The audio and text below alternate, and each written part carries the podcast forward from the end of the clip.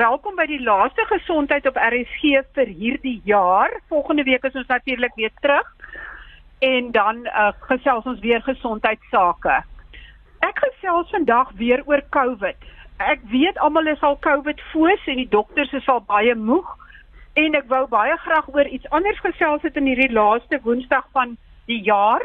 Maar daar is so baie vrae oor COVID en wat gebeur nou en wat gaan aan in Suid-Afrika? Dat ek nie anders kon as om weer twee gaste nader te uh, te vra om om hieroor te gesels nie. Ek gesels eerste met Piet Straiger. Hy's 'n data-analis en hy is verbonde aan Panda en jy kan hom ook volg op die Facebook bladsy Focused Protection. En hy gaan uit en uit kyk na wat sê die syfers weet is die eerste golf groter of kleiner as die tweede golf? Hoe lank na die eerste golf en wat kan ons leer uit hierdie pieke uit wat ons sien en wat verwag hulle in die verskillende streke en dan gesels ek met dokter Jantjie Taljaard. Hy's hoof van infeksiesiektes by Tygerberg Hospitaal want dan skuif ons van die Arendsoog oor die hele Suid-Afrika na Tygerberg Hospitaal toe en kyk wat gaan werklik aan in die kliniese veld waar die dokters met die COVID pasiënte werk. Dis baie welkom aan Piet Straiger. Baie dankie. En welkom aan Dr. Jackie Taljaard. Hallo almal, dankie.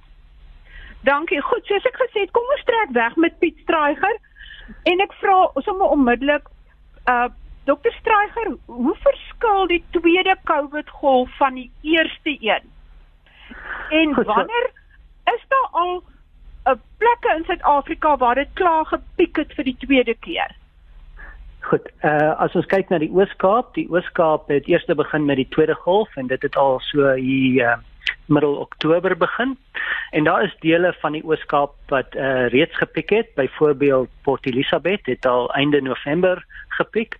Uh Oos-London uh heel wat later. Uh dit gaan tans deur deur 'n piek. En uh so dit verskil van plek tot plek in die in die Oos-Kaap. En dan as ons kyk na die Wes-Kaap, het dit so begin hierso middel November.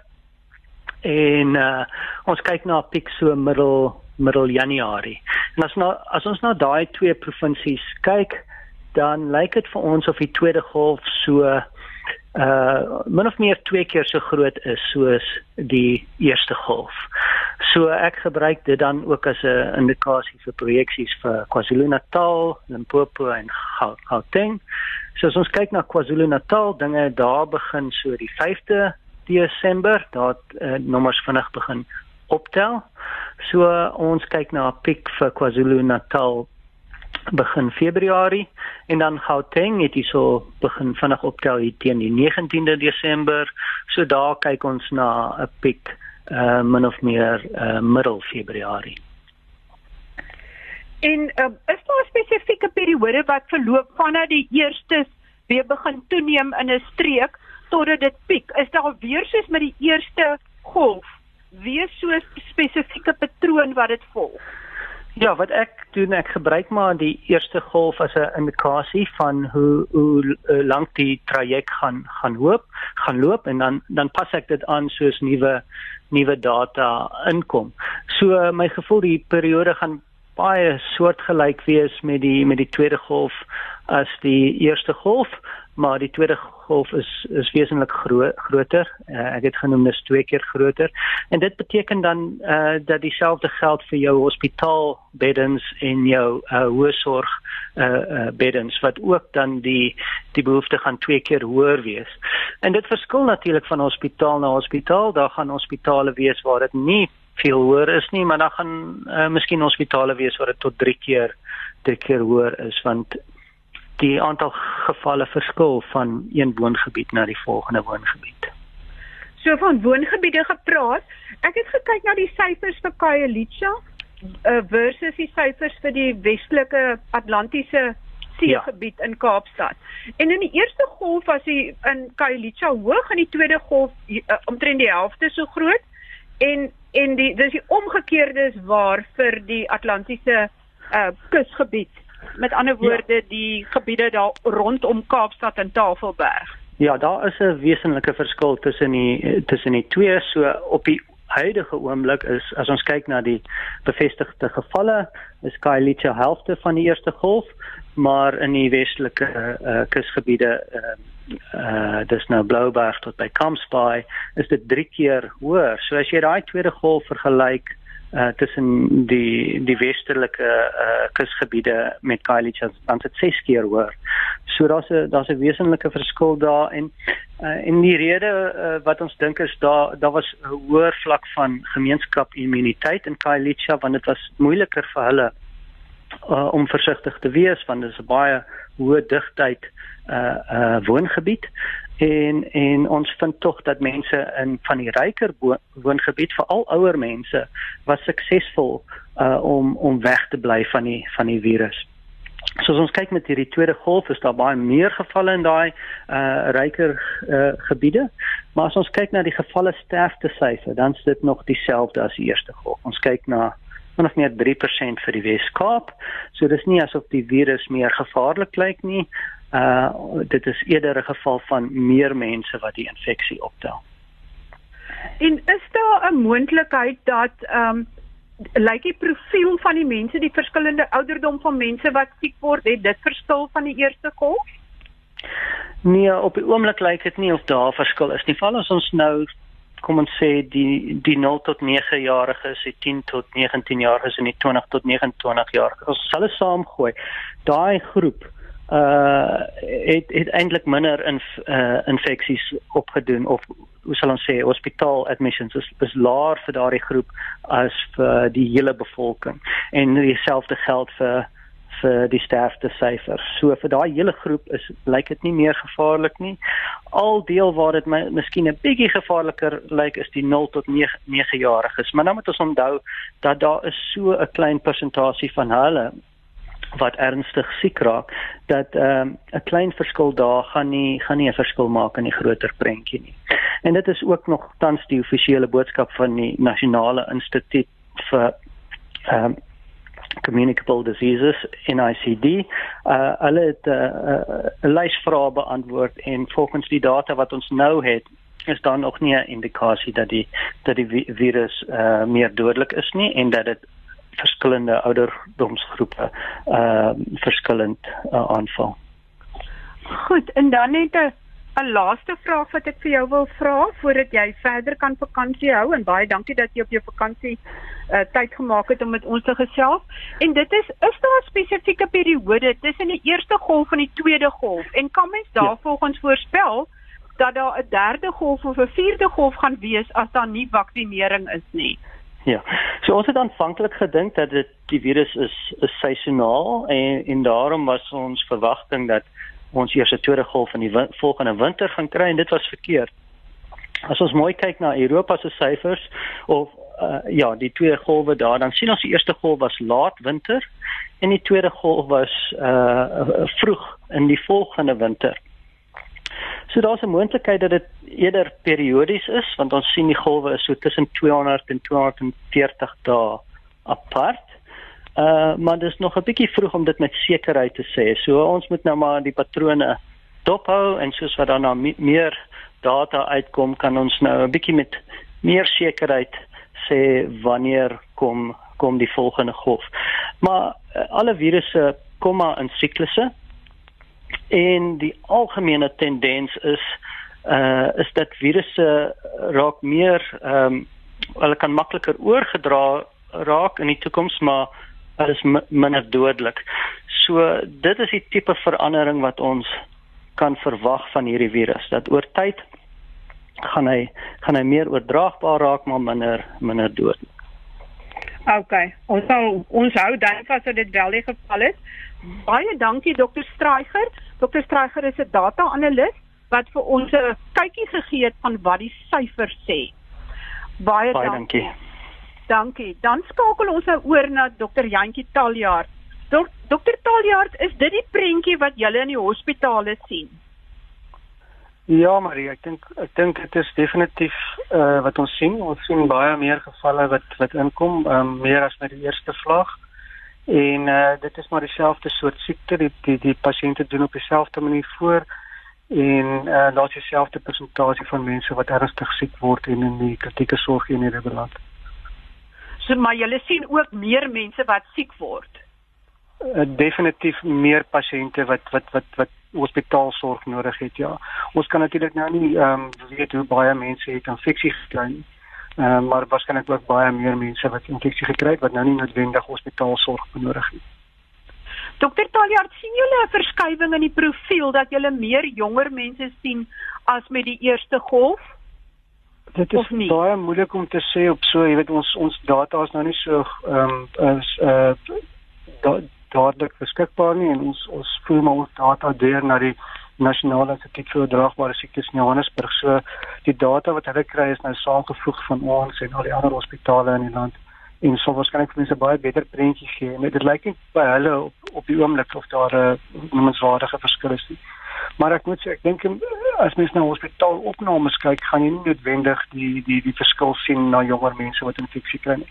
Want jonger mense word nie noodwendig so siek nie en hulle hulle land nie op 'n hospitaal nie. So mense moet probeer kyk na die na, na mense wat gaan om getoets te word en wat positief toets. En ek dink mense kan verwag dat meer jonger mense gaan dit kry want die skole het oopgemaak. Ehm um, daar was 'n tydperk van van omtrent geen inperking gewees nie waar mense meer gesosialiseer het. So mens kan definitief verwag dat daai groep van mense baie meer ehm um, dan nou infeksie gaan kry. Maar hulle gaan nie noodwendig by ons opeindig in die hospitaal nie. Dokter Talia, miskien kan jy ons net weer neem deur hoe die siekte se fases is. Byvoorbeeld, ek kom nou in aanraking met iemand wat positief is of ek was saam met iemand en die volgende dag toets hy positief wat moet ek dan doen? Moet ek wag tot ek simptome het en op watter dag moet ek my laat toets? Ja, so dit is daar daar's daar's verskeie riglyne en soos met die met so die tyd aangegaan het, het dit ook begin verskil vir verskillende populasies. Maar iemand wat wat regtig moet werk, wat 'n essensiële werker is, sal ons gewoonlik sê hulle moet uh, tussen dag 5 en dag 8 moet hulle dit self laat toets en as hulle dan negatief is, kan hulle terug gaan werk as jy byvoorbeeld op vakansie is of jy nie jy kan van die huis af werk, dan kan jy maar by die huis bly en uh, voortgaan met jou werk en wag tot jy simptome ontwikkel voor jy toets. Anders dan bly jy net vir 10 dae by die huis en kan terug gaan werk. So, so die kan... mense wat vroeër moet terug gaan werk toe natuurlik op dag 5 en dag 8 is en die mense wat nie hoef nie, kan met 10 dae ehm um, 10 tot 14 dae uh, riglyne verskil ook en dan ook af van die tipe van werk wat jy doen, maar 10 tot 14 dae dan net isoleer. Goed. En sê maar nou ek begin nou simptome te kry. Uh, wat is die eerste simptome of want ek sien ook dit verskil redelik uh, van plek tot plek en tussen mense. Maar wat is daai eerste simptome waarop ek moet let? En is dit dan al aansteeklik as ek begin simptome kry of is ek al aansteeklik voordat ek simptome het? Ja, so die simptome is daar's regtig 'n groot variasie in simptome in verskillende mense en dis baie baie moeilik om om te sê dat 'n simptoom is wel 'n COVID simptoom of nie. Ehm um, so meeste van die uh, boonste respiratoriese lugweg uh, simptome, die verkoue simptome en so on kan ook voorkom met met COVID. Um, alhoewel 'n gewone loopneus of so is, is nie baie algemeen, maar dit kan definitief ook voorkom, so mens kan dit nie uitskakel nie. En natuurlik almal weet van die van die verlies aan aan reuk en, en smaak dis nie algemeen nie, maar as dit voorkom is dit nogal 'n redelike goeie aanduiding dat dit moontlik COVID kan wees. En dan die meer ernstige simptome is natuurlik nou die die kort asemhaling, uh, 'n droë hoes is baie prominent in daai geval ook. Ehm um, en dan is daar 'n klein persentasie van mense wat ander soort simptome ontwikkel soos 'n diarree ehm um, en ook meer neurologiese simptome wat baie skaars is, maar maar ook 'n 'n erge moegheid is 'n baie baie belangrike simptoom wat wat meeste mense in die verloop van hulle siekte noodwendig aan die begin nie, maar in die verloop gaan gaan 'n periode hê van 'n paar dae van erge moegheid. Ja, so dit ja, die tweede deel van jou vraag was gewees ehm um, ehm um, Marie, ek het dit nou vergeet, jou tweede deel. Ek wou gehoor het as as iemand wel simptome, nog nie simptome het nie, is hy reeds aansteeklik. Dis korrek, ja. Ja, so jy jy dit lyk of die meerderheid van mense is aansteeklik reeds voordat hulle simptome ontwikkel. Uh, hulle praat van 'n dag tot 2 dae voor die simptome ontwikkel en dan omtrent vir so 5 dae nadat die simptome ontwikkel het, is jy hoër risiko um, aansteeklikheid, maar tot tot 10 dae definitief kan jy nog steeds lewendige virus dra. Mense wat ernstig siek word en in die hospitaal beland, lyk of hulle miskien vir langer 'n lewendige virus kan dra en daar sal ons gewoonlik so sê so 21 dae na die aankoms van jou simptome as jy gehospitaliseer is of in 'n uh, intensiewe sorg beland het, so 21 dae sal sal 'n redelike goeie tydperk wees om om te isoleer van jou simptome aankoms af. Maar normaalweg 10 dae is is genoeg om te isoleer as jy van van simptome aankoms af. Sou jy geen simptome ontwikkel nie want baie mense is asymptomaties. Dan sê ons gewoonlik dat jy maar vir 10 dae na jou toets positief was moet isoleer. En as iemand ehm um, as iemand nou wel in die hospitaal beland en suurstof nodig het. Aan die begin het almal gedink die mense moet op ventilators gaan. Toe het hulle la, uh, later besef dat gewone suurstoftoediening en toediening is dalk beter. Wat is die situasie op die oomblik? Probeer julle om eerder dat die mense net suurstof kry in plaas van om op, op 'n ventilator te gaan? Dit hang baie af van die graad van van longsteking. Ehm um, so dit meet ons nou alsmaar met die oksimeters wat veel sê hoe hoe die suurstof inhoud in die in die in die bloed is sowel as dan nou om te kyk na ander uh, ander ehm um, dele van van 'n mens se gesondheid soos jou polsspoed en jou respiratoriese hoe vinnig jy asemhaal ehm um, jou bloeddruk en so aan. So ons kyk na al daai om te bepaal hoe siek jy is en dan moet ons watter mate van suurstofterapie jy nodig het. En die ventilator is maar net die die die die die die, die mees uh, indringende uh, manier om suurstof toe te dien. Ehm um, so dis maar 'n spektrum van suurstoftoediening. So mens begin by net 'n gewone maskertjie van suurstof dra en dan gaan jy aan na wat ons die die die hoë vloei suurstof noem. Waar die stap is voordat 'n mens dan nou as, as jy nie goed doen op daai hoë vloei suurstof nie en jou suurstofvlak is nog steeds laag en jy sukkel om asem te kry, dan gaan ons oor na ventilasie toe. Waar jy jy dan nou um, op 'n op 'n masjien gaan om om jou te help um, om om stadiger asem te haal en beter suurstof in die bloedstroom te kry. En hoeveel van daai pasiënte wat op ventilators is herstel? Dit hang baie af van die persoon se risikoprofiel. Ehm um, as hulle 'n baie hoë risiko het vir erge siekte en hulle baie ander uh bykomstige siektes, dan doen hulle nie goed nie. En daar's 'n 80% mortaliteit. Maar dit is amper dieselfde met as jy 'n ander siekte sou ontwikkel uh, wat jou in intensiewe sorg laat beland. As jy 'n klomp ander siektes bykomend bykomend het soos 'n uh, hartsiekte of ander longsiektes en so uh, of erge on, onbeheerde um, suikersiekte, dan sou jy ook nie goed gedoen het in die, in die intensiewe sorg nie. So dit dit weet ons al. As jy 'n klomp ander siektes het, doen jy nie goed in die intensiewe sorg nie. Sou jy 'n laer profiel hê van van erge graad siekte ehm um, en ook miskien jonger is, dan het jy 'n beter kans om te oorleef in die intensiewe sorg met COVID. En dan praat ons omtrent van so nog steeds maar swak maar om 40 tot 50%. Kry julle dat mense dit onderskat en eintlik te laat inkom wanneer daar die suurstofvlakke reeds baie laag is of of of is daar nie daai miskatting nie?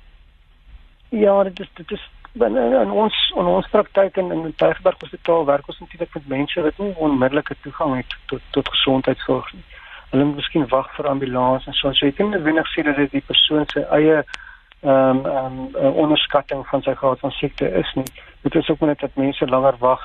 Mense het dit bang om hospitaal toe te gaan want dit is nou die fase van jou siekte wat miskien dan nou fataal kan wees. So dit is al 'n ontkenning ook en en, en miskien het dit baie ernstige siektes, miskien het dit met HIV en tuberkulose ook dat mense nie graag wil hospitaal toe gaan nie want dit is dikwels die plek waar jy dan nou kan doodgaan.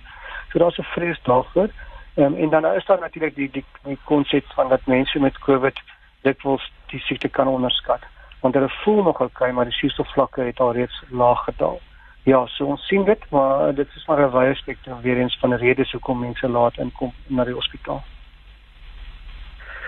En dan ehm um, daar's baie dinge wat hier rond te doen. Ek het my hele nog nooit so baie WhatsApp gekry oor verskillende mense met verskillende menings nie. Maar ek moet tog vir jou vra, daar is blykbaar 'n aanleiding van 'n studie in Australië wat hulle 'n sekere antiwurmmiddel aanbeveel. Uh, is daar enige kans dat so iets kan help? Sal mens iemand dit gebruik net in geval dit kan help nie? So dit is ehm um, ivermectin. Uh, dit ja. is 'n uh, 'n middel wat is 'n antiparasietmiddel wat gebruik word vir spesifieke ehm um, ehm um, um, aanduidings veral in meer tropiese gebiede. En dit word ook vir erge skeidings aanbeveel in in Suid-Afrika en dan is dit ook 'n middel wat baie algemeen gebruik word in die veld.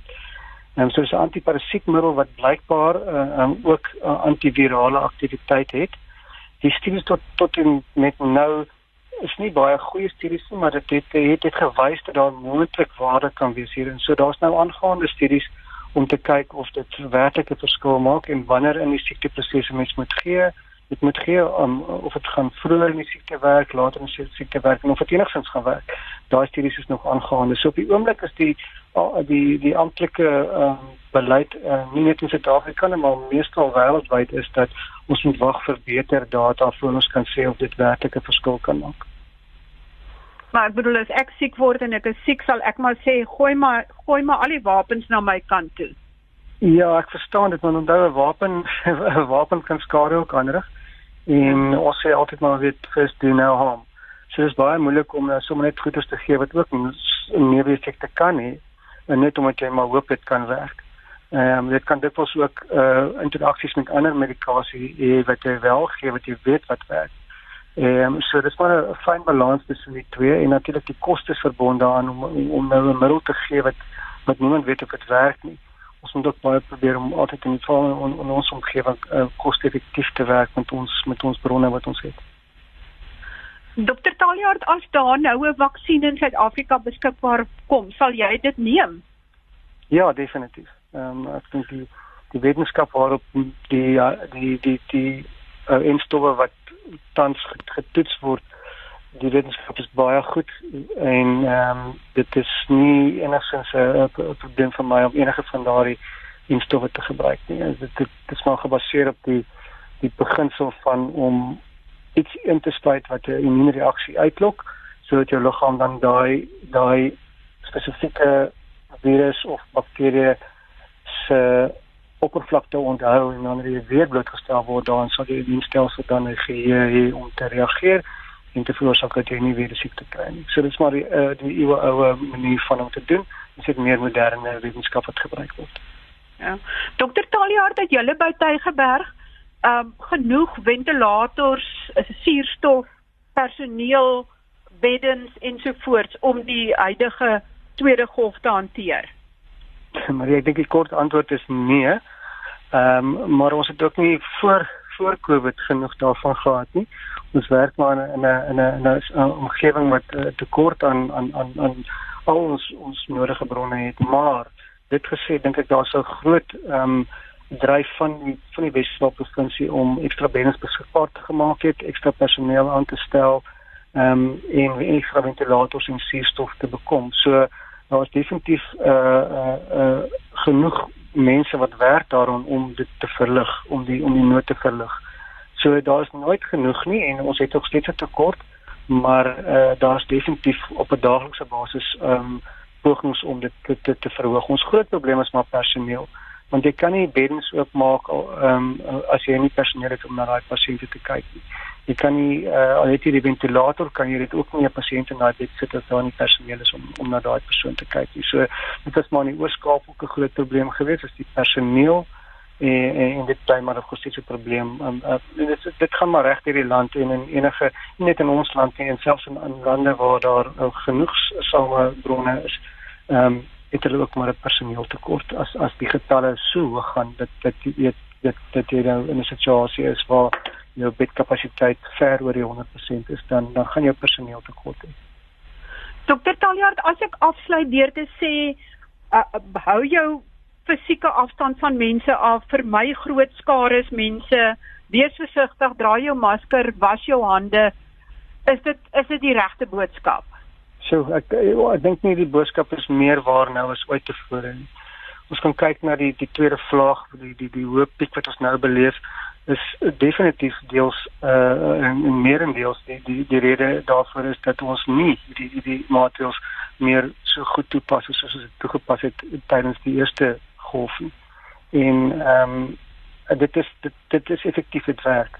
Ek gaan elke dag werk toe ek doen dit en en en die meerderheid van gesondheidswerkers doen dit terwyl hulle in omgewingswerk waar daar baie COVID teenwoordig is. En dit is regtig die die persentasie gesondheidswerkers wat dit kry ehm um, is is klein bietjie hoër as wat dit in die samelewing is.